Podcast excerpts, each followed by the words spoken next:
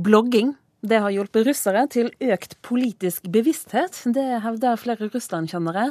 Mange unge russere opplever nå at internett gir innflytelse i politikken.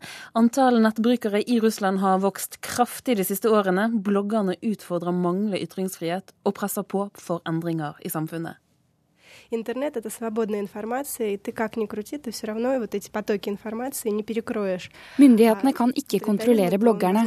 Internett betyr fri flyt av informasjon. Derfor er det umulig for Russland å gå tilbake til en totalitær stat, sier Natalia Klutsjarova, som er i Norge i forbindelse med russiske dager i Oslo. I dag arrangerte Fritt Ord et seminar om blogging i Russland. Klutsjarova er en av de nye stemmene på det russiske nettet. Den unge forfatteren forteller at blogging har vært viktig for å vekke politisk bevissthet blant hennes venner. осознать себя, осознать свою позицию, потому что, ну, det har hjulpet mange til bedre å forstå sine egne politiske holdninger. Det er blitt mer bevisstgjøring. Mens folk tidligere ikke interesserte seg for politikk, har mange av mine venner nå blitt med på politiske demonstrasjoner etter å ha lest hverandres blogger, sier Klutsjarova. организована и как-то en av initiativtakerne bak dagens konferanse om blogging er skribent og russlandskjenner Peter Normann Våge. Han leder organisasjonen Petrusjka, som jobber for å fremme russisk litteratur i Norge.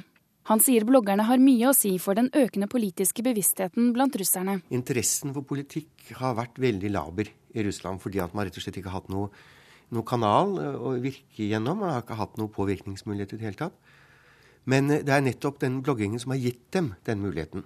Og da blir jo interessen vekket når man ser at uh, det, det, det, har, det, virker. Altså det har noe å si, det man sier. Blogging has been very important uh, throughout the last five years. Mm, because the blogs covered everything you won't see on television and you won't hear on the radio. Bloggene er viktige fordi de tar opp alt det som ikke slipper til på TV og i radio, sier Anton Nosik. Han er en av de politisk opposisjonelle bloggerne som var aktive før valget i mars, og har opplevd flere svertekampanjer mot seg. Han sier bloggerne har fått mer makt, ettersom stadig flere russere har fått tilgang til internett de siste årene. Internett er vanskelig å sensurere, og det bekymrer myndighetene, hevder Nosik. Online, out of 100 million voters, it's pretty obvious that this medium is Mm, uh, is important.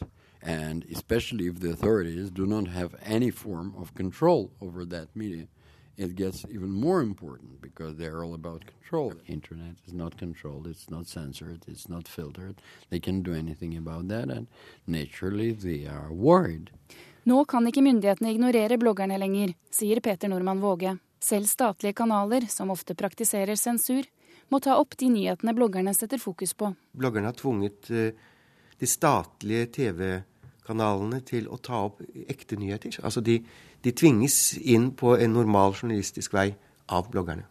Hvor viktig er disse nye stemmene på bloggene og på internett? Ja, jeg vil si De er veldig viktige. Altså, de driver landet i retning av en endring. Eh, bort fra lukkethet til en åpenhet. Reporter her, det var Ida Kvittingen, postdoktor i russisk ved Universitetet i Bergen. Martin Paulsen, er du enig i disse påstandene fra Petter Normann Våge? Ja, det vil jeg absolutt si. Jeg vil si at uh, blogging, uh, ikke minst nå når uh, antallet nettbrukere i Russland begynner å nå 50% av landets befolkning, så begynner bloggerne å bli veldig viktige i den russiske offentligheten. Og Det høres rett og slett ut som de er i ferd med å liksom presse frem en nyhetsdekning som de selv kjemper for? Ja, det, det, så vi spesielt uh, i forbindelse med de to valgene nå i uh, desember og nå uh, nylig. at man presser fram nyheter. Man skaper også nyheter, i og med at man får folk ut i gatene, får folk ut til å demonstrere. Det foregår en mobilisering. Folk blir politisk interessert, for det foregår diskusjoner på nettet. Og De ser også at andre ønsker å gå ut og demonstrere, og dermed så er det lettere også å bli med på de her demonstrasjonene sjøl. Så eh, det er absolutt viktig for mobiliseringa av eh, den russiske offentligheten, eh, det som foregår i russiske blogger. Men hvordan kan det ha seg at offentligheten lar seg mobilisere av blogger og nettdebatter? Nei, Det jo, henger jo sammen med fraværet av en kritisk offentlighet som man har sett i Russland siden slutten av 90-tallet, etter at Putin kom til makta, hvor det som blir dekt gjennom tradisjonelle medier, har blitt mer og mer kontrollert. Det gjelder spesielt TV, som lenge har vært det viktigste mediet for nyhetsinformasjon for russere. Nå På seminaret vårt i dag så hørte vi den svenske journalisten Kalle Knivla fortelle at nå er det sånn at for mennesker mellom 15 og 45 så er det ikke lenger TV, men internett som er den viktigste kilden til nyhetsinformasjon blant russere. Det er vel en liten revolusjon? Det er en revolusjon, og det er også grunnen til at uh, russiske myndigheter uh, nå har via internett større og større oppmerksomhet. Disse bloggerne som da tydeligvis har tilegnet seg mye makt, eh, hvor trygt er det å være en politisk aktiv blogger i Russland i dag?